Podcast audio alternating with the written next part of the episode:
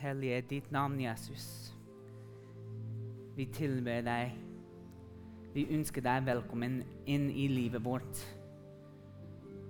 Skinn et lys der vi trenger mer av deg, Jesus. Møt oss i dag i de situasjonene vi står midt iblant.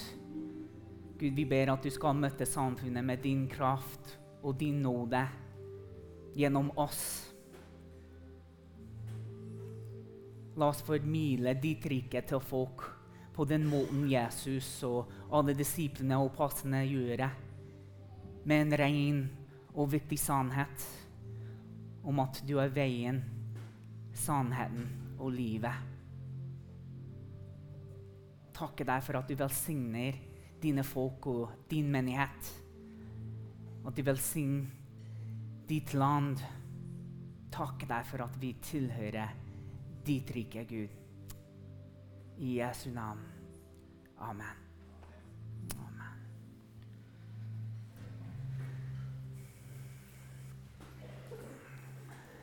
Vi avslutter siste delen av samfunnspress. Vi har snakket om hva er ekte sannhet i dagens samfunn.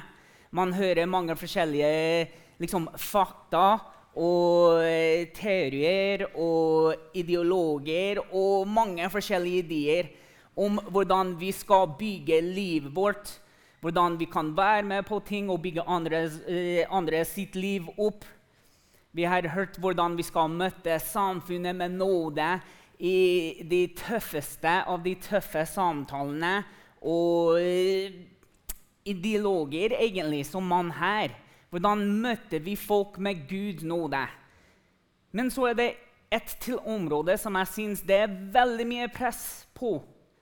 Og etter min mening enda større press enn vi noen gang har opplevd i forhold til de generasjonene som følger etter oss, og hva de vokser opp med, og hva de ser, hva de får høre, hva de får oppleve, hvordan de fatter verden.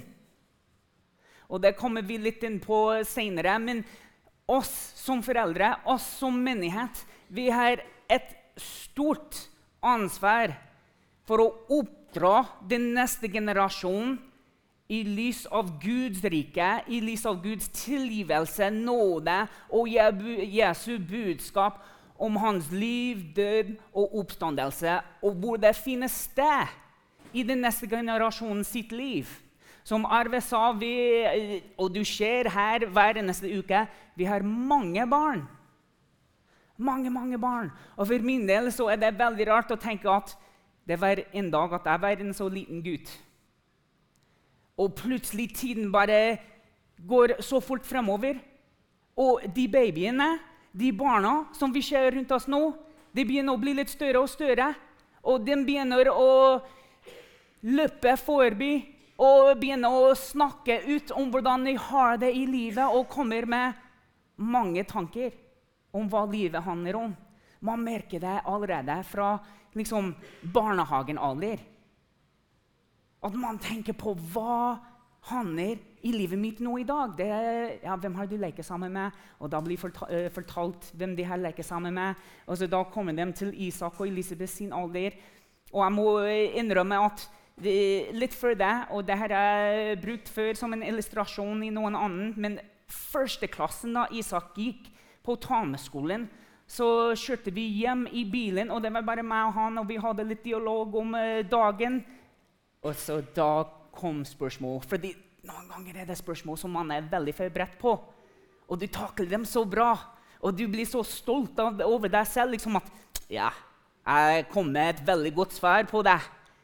Og er det andre ganger at man eh, bare bommer helt? Man treffer ikke målet. Og Isak kom med spørsmålet Vet du hva sex er?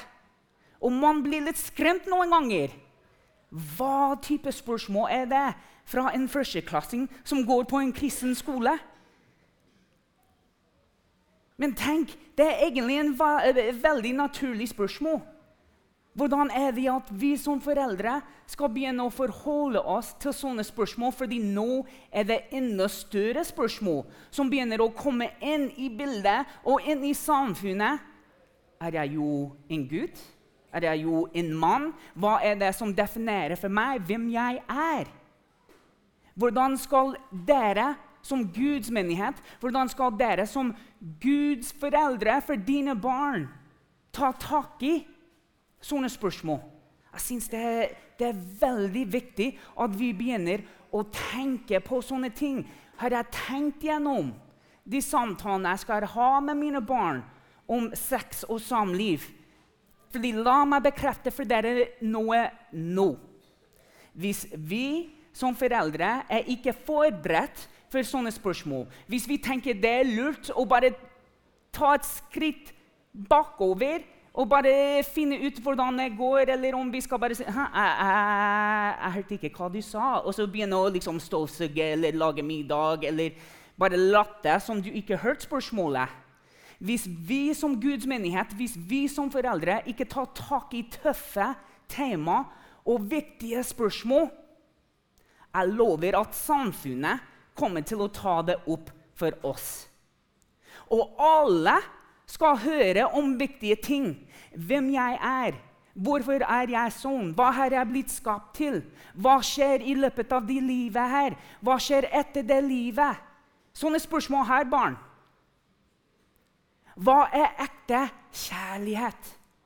Når skal jeg ha sex med noen andre? Når skal jeg gifte meg?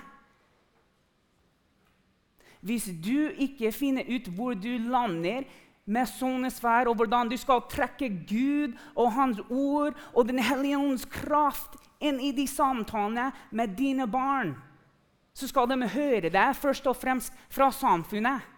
Og da har vi en liten eh, ting å tenke på. Hvem vil vi at våre barn hører det fra? Hvem vil vi at den neste generasjonen skal lære fra? Blir det meg? Skal jeg, skal jeg tørre å stille opp for mine barn og begynne å stille dem spørsmål om hva de tenker, hvordan de tenker på det? Eller skal jeg bare tenke mm, Jeg sender dem ut døra og håper at de lander i noen gode samtaler med folk som tenker liken som meg. Jeg stoler ikke på sånne tilfeldigheter, folkens. Jeg håper at vi som Guds menighet stoler ikke på sånne tilfeldigheter, og vi begynner å se alvorlig på hvordan vi skal reise opp den neste generasjonen. Og jeg tenker, hvordan skal vi gjøre det her? Jeg er ikke her for å fortelle dere akkurat hvordan dere skal gjøre det. fordi dere er i forhold til hvordan dere eh, parent your kids. liksom. Eh, helt forskjellig enn hvordan jeg skal gjøre det. Helt forskjellig enn hvordan Hanna og jeg sammen skal gjøre det. Men det som jeg skal eh, fortelle dere nå, er veldig viktig ting man kan gjøre. Og kanskje flere av dere allerede har lært det. Det er en sånn veldig pedagogisk eh, ting å gjøre. Men når du blir spurt et spørsmål, om det er fra dine barn, fra andre sine barn, eh, fra noen på jobb, noen ute på samfunnet som lurer på hva er det du tenker på akkurat det her Hva er det du tenker om eh, politikk? Hva er det du tenker om eh, homofili? Og det er ting som vi har tatt opp i løpet av den serien. Sånn, hmm, det er et veldig godt spørsmål. La meg kaste ballen tilbake og høre først og fremst hva er det du tenker. Vi må lære først og fremst å la andre gi svar for hva de tenker på. Og det er, det er, ikke bare noe som er pedagogisk. Det er noe som Jesus har allerede gjort. Jeg tror Han var langt foran sin egen tid i forhold til hva han, eh, han forholdte seg til andre mennesker. Fordi han stiller disiplene. Hvem er det dere tror jeg er? Han har hørt at de har snakket om hvem han er, og hva andre eh, mente om han, hva samfunnet mente om han. Og da kommer et veldig viktig spørsmål. Hva sier dere? Hva tenker du? Han vil høre hvor de får sin informasjon fra. Han vil høre deres sannheter om livet og hva han har å tilby. Hva han har sagt, hva han har lært dem. Det er det vi må også begynne å gjøre. Hva er det samfunnet sier om her? Hvor er det de får sin informasjon? Kildene de drar sin informasjon fra. Vi ønsker å høre hva dere tenker. Da kan vi komme på bane og begynne å veilede, eller i hvert fall oppdra den neste generasjonen om hva er viktig å tenke på når vi tenker på store tema som vi har tatt opp i løpet av denne serien. Og med det så kan vi bygge dem opp og gi dem sannheter man kan stole på hele sitt liv. Man trenger ikke å lure Men er det fortsatt sant? Fordi når vi åpner Bibelen, og ikke misforstår meg Jeg går ikke rundt og sier til mine barn fordi Guds ord sier det sånn. Sånn skal det være. Fordi verden, samfunnet, krever svar på hvorfor Guds ord sier sånn. Jeg kan ikke si til mine barn leve livet ditt sånn fordi Guds ord sier det. Rett og slett nå er samtalen ferdig. Fordi de kommer til å lure på hvorfor, når det skjer alle de andre som bare lever så fri og gjør det de vil, hvorfor skal jeg forholde meg til de ordene som er skrevet her? Og her, folkens, er hvor våres vi som har levd et langt liv med Gud, dere som er eldre enn meg, og meg som har levd en helt annen type liv enn mine barn, og har mine erfaringer og opplevelser, kommer på banen. Fordi det handler om erfaringer med Guds ord. Det handler om opplevelser med Guds ord og hans nærvær i mitt liv. Som ingen andre kan liksom bare børste under teppet. Om de godkjenner det eller ikke, det er opp til dem. Men her er noe som er så ekte for meg. Her er noe som er så ekte for dere. Og når vi snakker om identitet og hvor du er i livet, og hvorfor du har valgt å stole på Gud og Hans ord som du har lest og bygd livet ditt på, handler det ikke om at noen har bare sagt fordi det står sånn her i Bibelen. Nei. Livet ditt bekrefter hva står i Bibelen. Livet ditt bekrefter Guds løfter i Bibelen. Livet ditt bekrefter Guds identitet i livet ditt og hvem han er. Ja, la meg bare bla til Samene Salmene 121 og lese det for deg her. Jo, det som står her, er jo sant. Men hvis du har ikke noe eksempel til å gå ut på, da blir det veldig vanskelig for den neste generasjonen å koble opp hvorfor det er jo viktig for livet. Når samfunnet sier at ah, Gud, menigheten, religion Det er bare trash, det. Det har ingenting å gjøre med moderne samfunnet. Som foreldre, som Guds menighet, om vi snakker med våre unger og den neste generasjonen om tøffe temaer, så tar samfunnet opp den samtalen for deg. Skal du begynne å snakke med dine barn? Skal du begynne å snakke med dine onklebarn og barnebarn om hvem Gud er? Og hvem de er til Gud? Det står her i ordspråkene 22,6.: La den unge veien han skal gå, så forlater han den ikke når han blir gammel. Samfunnet har den meningen at den beste vi kan gjøre for å skjøgge for våre barn, slik at de har den beste oppdragelsen, er å bare følge etter strømmen. Det som er populært ute i samfunnet, det som samfunnet mener er viktig, om å la barn velge som de vil, og eh, eh la man ha de følelsene som de vil, så ja, vær så god. Det er så bra for deg. Det er så greit. Men er det? Siden når fikk deres barn å bestemme om de skal pusse tennene? Aldri. Eller hvor lenge de skal være oppe og se på TV. Nei, man begrenser sånne ting. Og samfunnet de synes det er helt greit. Vi snakker om kosthold nå. Oh, ja, ok, Det er greit at du forteller dine barn når de skal stå opp, når de skal legge seg, når de skal uh, pusse tennene, eh, hva de skal spise, hva de ikke skal spise. Men hvis du begynner å fortelle dem hvem de faktisk er, da har du krysset over en grense. Det er bare tull, etter min mening. Og det høres veldig ut som at jeg er ute etter samfunnet. Jeg liker ikke samfunnet er veldig glad i samfunnet. Det kommer med så mye godt og tilbyr så mye, slik at man kan vokse. Men når det handler om hvordan vi skal vokse i det underlige, hvordan sjelen vår skal blomstre, og hvordan vi skal se på Gud, så har det ingenting å tilby bort fra menigheten, som er Guds rike, som har etablert seg i veldig sterk motstand av samfunnet.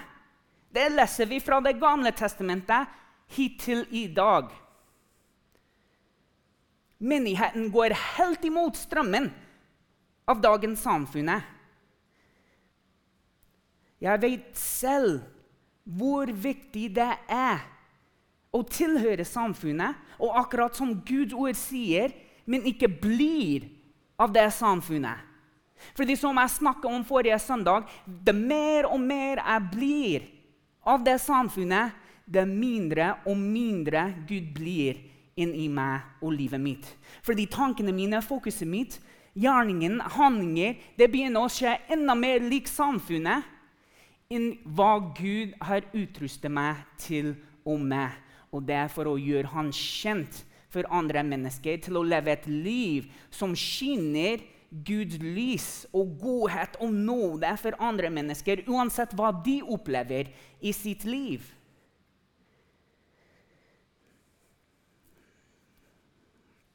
Vi må lære den neste generasjonen sanne ting.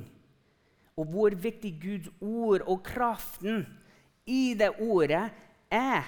Slik at vi kan veilede dem mot en sannhet og fylle dem med en mot og frimodighet til å, si opp, eh, til å stille opp og si nei takk til ting som er ikke av Guds rike, som er ikke bra for oss. Om vi ikke vet, så vil man selv og den yngre generasjonen bli lurt til hva er faktisk sant om dette livet. Og det har store konsekvenser for vår psykiske helse. Følg med nå, for her er noe veldig viktig, og jeg var inne i starten av uh, talen. At den yngre generasjonen nå opplever til en enda større grad enn jeg noen gang har selv opplevd, og kanskje dere eldre har opplevd, at det er mye press fra alle kanter om hva man skal oppleve i livet, og hvordan man skal føle seg, og hvordan man skal ta vær på seg, se ut og gjøre og holde på med. og alt, Så mye press hele tida. Jeg hadde en gymtime forrige uke, og vi tuller ikke. Vi brukte bare 40 minutter. Og det skal høres veldig rart ut nå, men bare for å være i stillhet og tøye oss ut. Og du så hvor vanskelig det var for dem, egentlig. Fordi de er så vant til at det skal være action og happening og alt mulig hele tida. Underholdning, kom igjen, hvor er det? Men å finne den innerste roen Å finne hvor Gud er i det daglige livet, og begynne å reflektere på Han og Hans ord og Hans sannheter for hvem den unge faktisk er. Hva har Gud gitt deg i ditt liv? Det er ikke bare en oppgave. Det er et barn, et søtte barn, som du skal fastre og få til å vokse opp ikke av dine egne meninger. Jeg ønsker ikke at mine barn skal ha bare mine meninger.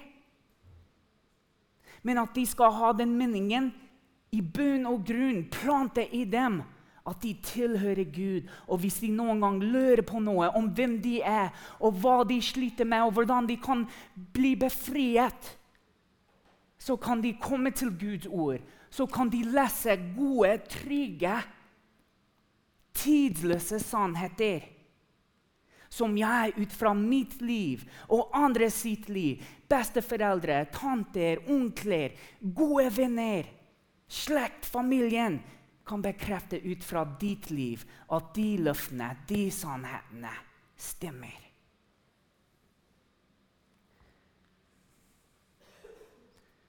Samfunnet, etter min mening, driver med et stort paradoks.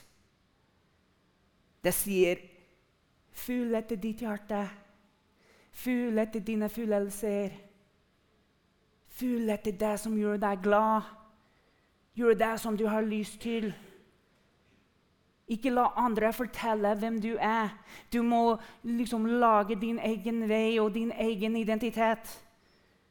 Og det vi legger merke til, eller det vi får høsten av nå, er akkurat det. Man fyller bare etter sine følelser. Man fyller etter bare det de har lyst til, og det som gjør dem glad. Og de blir kjempeforvirra. De opplever at 'jeg har ikke en identitet'. Men kanskje jeg må skifte kjønn? Da får jeg en identitet. Og det hjelper ikke. Så da er man enda mer forvirra, fordi jeg trodde at det var liksom løsning på det som jeg fulgte inn i meg. Å ja, men da må jeg prøve en annen dame eller annen mann i det ekteskapet. fordi det er sikkert det som skal fikse det som jeg mangler i livet mitt. Det som jeg letter etter. Å ja, det virker ikke heller. Å nei, nå er mange forskjellige ting rundt meg ødelagt. Og det er faktisk samfunnet som sier og gjør disse tingene her. Stopper meg hvis jeg tar feil. Men sånn mener jeg faktisk. Og la meg være veldig tydelig. Gud er så langt fjerne fra samfunnet vårt at når noe i motstand av det samfunnet mener, kommer i bildet, så er det helt, helt fremmede for folk. Og det er ikke normalt. Og det Guds menighet opplever, er at den sannheten vi kommer med, de fakta vi kommer med, den troen vi kommer med, det fellesskapet vi kommer med, er så fremmed for folk at de tenker nei, dere er ikke normale. Og vi tenker ja, det er vi faktisk. Og da blir det liksom et stort krangel, fordi ja, dere er ikke normale. Vi er normale. Nei, dere er ikke normale. Vi er normale. Altså, frem og tilbake, frem og tilbake. Men det er ingen som har eierskap på det ordet 'normale'. Det er Gud som definerer det som er normalt for oss mennesker. Og det er oss mennesker som har trukket seg lenger og lenger fra Guds vilje for livet. Og dette inkluderer samfunnet vårt. Syns, når du tenker på det her, og det her har jeg fått med meg fra FHI, og det står her De vanligste lidelsene blant voksne er angst, depresjon og rusbrukslidelser. Blant barn og unge er det angst. Tenk på det! At liksom, barn skal gå rundt liksom, engstelige og sånn Hva skal skje? Å nei, dagen ah, Nei, å, det går ikke akkurat sånn. Spilte en fotballkamp for eh, noen uker siden, og jeg hadde en gutt som bare hopper foran keeperen slik å forstyrre han litt. Og så da kommer treneren fra det andre laget og sier sånn Nei, hva er det du holder på med? Det er så usportslig, det han gjør der. Sånn, hva er det han gjør? Han hopper foran keeperen, og han blir så engstelig. Skjønner du ikke? Liksom, han får stor angst når han gjør sånn. Er det mulig? Er det mulig at bare at et barn som hopper foran et annet barn, skaper angst? Hva har vi som et samfunn drevet med hittil som leder til det?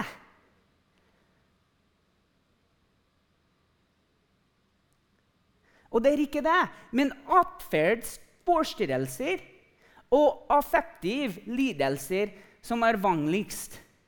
Man vet ikke, og jeg skjønner, jeg skjønner, ikke misforstå meg, jeg skjønner veldig godt at noen ting er man født med, og det må vi jobbe med. Men på en annen grad her så er det ting som samfunnet driver med, mobbing, tagging, alt mulig, som får barnet til å bygge liksom, en veldig feil tanke og bilde av seg selv. At de skjønner ikke hva foregår inni dem. Så da, da, skal jeg slå. Eller vet du hva, nå skal jeg stoppe å spise. Eller jeg skal holde meg bort fra alle andre. Nei, jeg blir så eh, deprimert. Og at barna skal gå rundt og føle seg deprimert. Men når vi som samfunnet sagt sier jeg er full etter dine fyllelser, og hvis du fyller sånn, så skal vi bare behandle deg med noe medisin. Og igjen så syns jeg det er så flott at i samfunnet så har vi alle typer psykologer, terapeuter, leger og mye annet som kan hjelpe, og midler som kan hjelpe behandle de fysiske og psykiske problemer som finnes i samfunnet. Og jeg er ikke utdannet som uh, helsepersonell, men det ser ofte ut til at mennesker som sliter med sånne ting, og blir behandlet, får hjelpen de trenger, selvfølgelig. Men alltid, alltid har et behov for noe mer. Noe som berører ånden, noe som berører sjelen av et menneske. Det er feil å tenke og tro på Gud budskapet om Jesus eller kraften Den hellige ånd gir, finner ikke sted i det moderne samfunnet. Guds kraft og tro på det går hånd i hånd med behandling. Gud er ikke med på å erstatte behandlingen, men er med for å gi håp og styrke til alle som lider i utfordrende og tøffe kamper.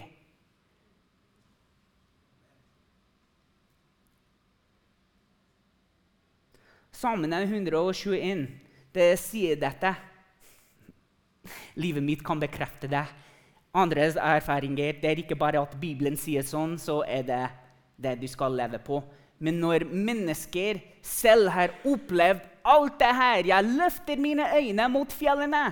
Hvor skal min hjelp komme fra? Min hjelp kommer fra Herren, himmelens og jordens skaper.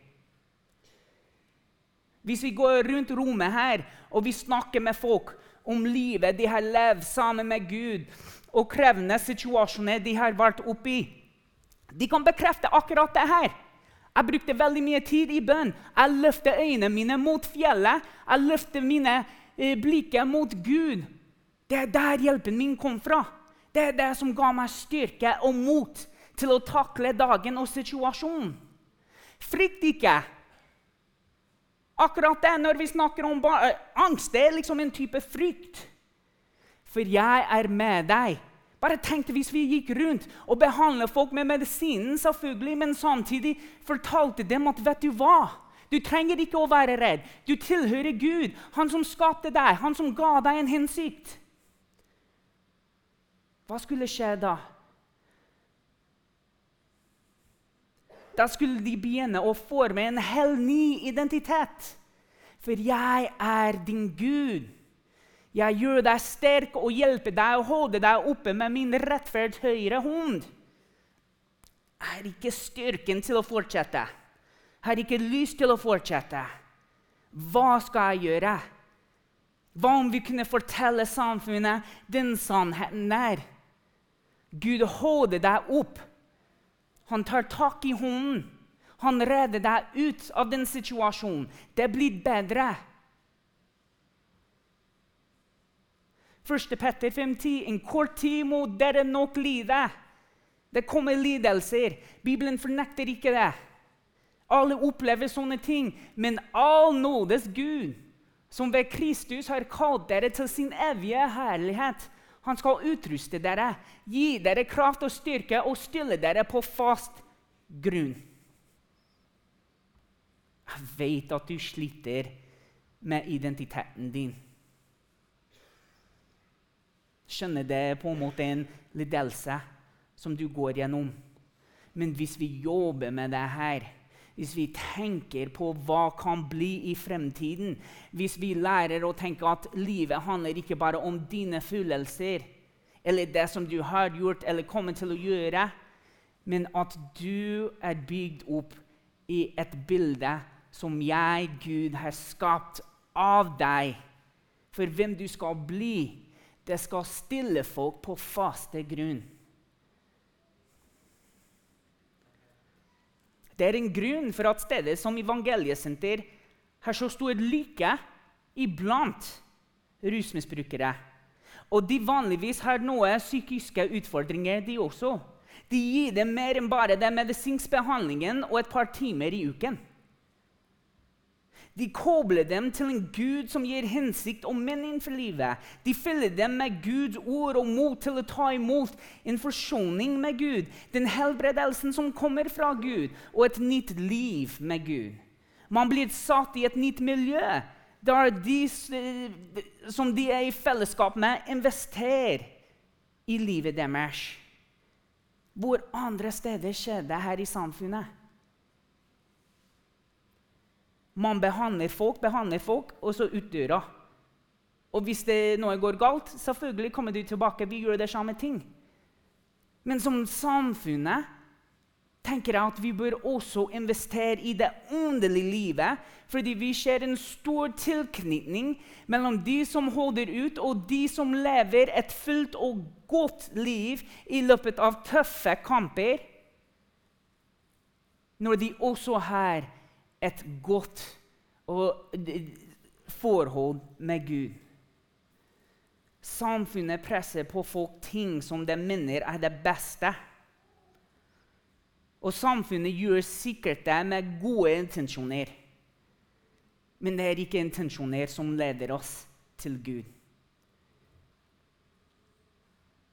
I den situasjonen vi står i nå, så ser vi at intensjoner det leder folk bort fra Guds vilje. Det leder samfunnet bort fra Guds vilje. Det skaper veldig mye forstyrrelser og forvirringer og lidelser for folk. Et samfunn skulle sikkert aldri ønske noe ille for de som tilhører det. Likevel møtte vi som kristne utfordringer som setter oss på prøve. Våre verdier, våre etikker, våre sannheter. Samfunnet vil vite hva vi mener om vanskelige tema.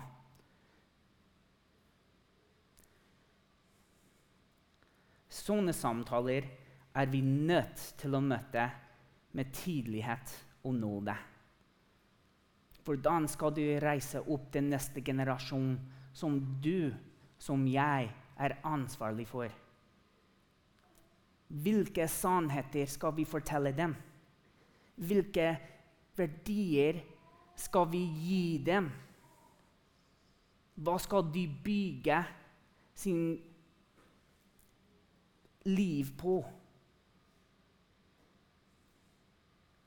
Som foreldre, som menighet, er det vårt ansvar. Ikke for å fordumme eller si at Vet du hva, dere, dere her ingen plass her i samfunnet vårt. Det, det, det, er ikke det jeg prøver å formidle, det er ikke det ansvaret vi har.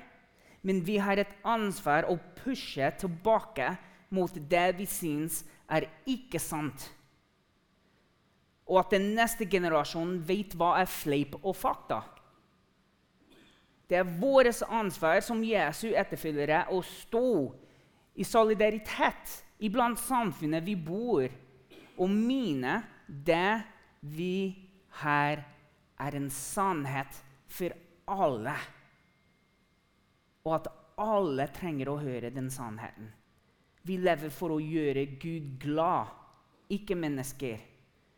Og vi lever for å gjøre mennesker kjent med Gud. Noen ganger mye press skaper vakre ting. Hvilken vakker ting vil Gud bruke oss å skape i vår tid, i vår kultur? Og den tiden som kommer når den neste generasjonen vokser opp. Fordi det er det vi skal høste. La oss be. Gud, vi takker deg for at du reiser opp en generasjon som ønsker å kjenne deg, Gud. Jeg ber at du skal gi oss her i Pentekirka, at du skal gi alle menighetene eh, i landet Norge øye for å se den neste generasjonen, et hjerte for å lede den neste generasjonen i dine sannheter, i dine fakta, Gud. Jeg ber at vi skal oppleve en stor høst hvor folk kjenner til deg, Gud, kjenner til Den hellige ånd, kjenner til din kraft. At de bygges opp en identitet i deg, Gud, og ditt rike. Og at vi skal leve til å gjøre deg glad. Hjelpe oss å møte eh, folk med nåde og sannhet. Hjelpe oss til å lede din menighet nærmere deg og din vilje.